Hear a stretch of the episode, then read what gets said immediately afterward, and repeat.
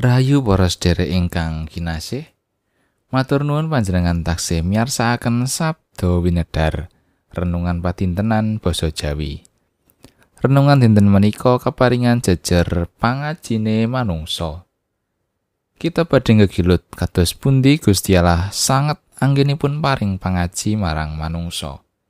Sumangga kita ndedonga langkung rumiyin.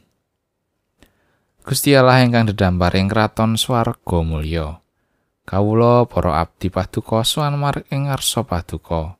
Ngaturaken pamuji syukur awit sedaya berkah pangrimat ingkang sampun paduka paringaken dumateng kawula. Ing wekdal ingkang mirunggan menika, Do Gusti, kawula sampun sumadyo nampeni sabda pangandika saking paduka. Mugi paduka ingkang paring pepadang satemah kawula saged mangertosi kersa paduka lan kawula tindakaken. Matur nuwun Allah. Mugi paduka kersa paring pangapunten. Awit kathah dosa kalepatan kawula menika. Wonten ing Sang Kristus Yesus Gusti kawula, kawula sampun ndedonga. Amin. Matius bab 8 ayat 28 ngantos bab songo ayat setunggal.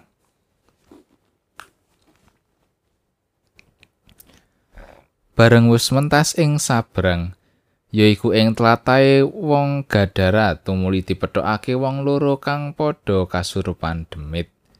Tekane saka ing pakuburan sarta banget mutawatiri nganti ora ana wong siji-siji sing wani liwat ing dalan kono. Lah tumuli karone padha nguwuh seru unjuke. Paduka kagungan urusan menapa kalian kawula do putraning Allah? Menapa rawuh paduka badhe misakit kawula saderengipun mangsa? Ora ada saka kono ana babi saponto gedhe kang lagi golek pangan. Demite nuli padha darbe panyuwun marang panjenengane unjuke. Menawi kawula sami paduka dawi kesah keparenga kawula manjing ing babi saponto menika. Dawuhe Gusti Yesus padha lunga banjur padha metulan manjing ing babi-babi mau. Babi saponto iku kabeh nuli padha mlayu gumruduk medun saka ing ereng-ereng jurang. Ambyur ing segara teman padha mati klelep ana ing banyu. Kang padha ngangon babi mau padha mlayu sarta bareng wis tekan ing kutha padha nyritakake lelakon iku mau kabeh. Uga bab wong-wong kang kapanjingan demit mau. Laing kono wong sakutha padha metu metokake Gusti Yesus lan bareng wis padha ana ing ngarsane padha nyuwun kanthi adreng supaya panjenengane kersa nilar tatai. Gusti Yesus tumuli minggah ing prau banjur nyabrang lan rawuh ing kutha palarepane. Makatan pangandikanipun Gusti ayat nat saking ayat tigang dosa kalih. Dawe Gusti Yesus padha lunga. Cara tangi-tanganipun pinten to reginipun manungsa? Kita asring mireng paseksi wontenipun tiyang ingkang nganggep yen sehat iku larang regane. Saben tiyang mesti ngudi supados sehat. Pokokipun tanpa ngetang bondo ngantos pinten kemawon kangge ragat saged tetep sehat walafiat. Mboten badhe eman-eman.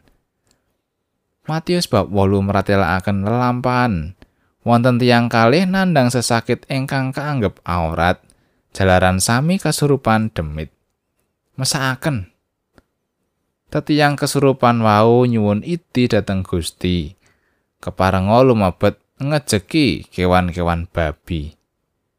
Tegesipun panguwasa reget wau tetep tunduk ing panguasanipun Gusti. Jalaran nyuwun idi saking Gusti. Gusti Yesus nglilani. Lah pranyata demit mau ngejeki saponto babi. Miturut Injil Markus, wonten kirang langkung kalih ewu babi. Wah, pira regane? Gusti nglilani.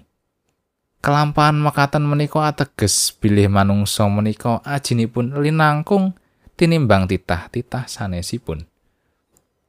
Demi waluyanipun tiang-tiang wau mila kedah wonten kurban sanesipun inggih menika pepantan babi ingkang cara ekonomi wah larang sanget regane.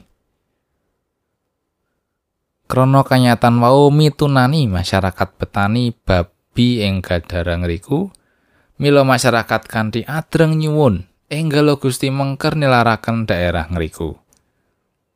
Mangkatan ugi kula lan panjenengan inggih kita sami ajinipun linangkung.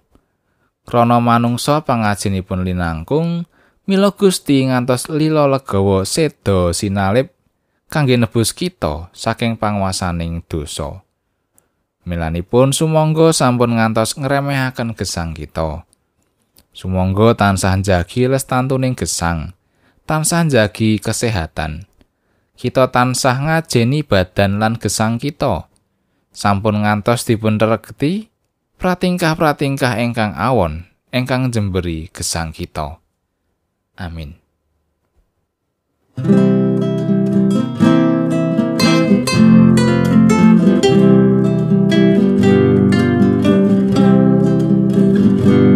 Gusti Yesus pangen kula kula mendo kagungannya ten nebus klayan ranyo. Prekula gesang slaminyo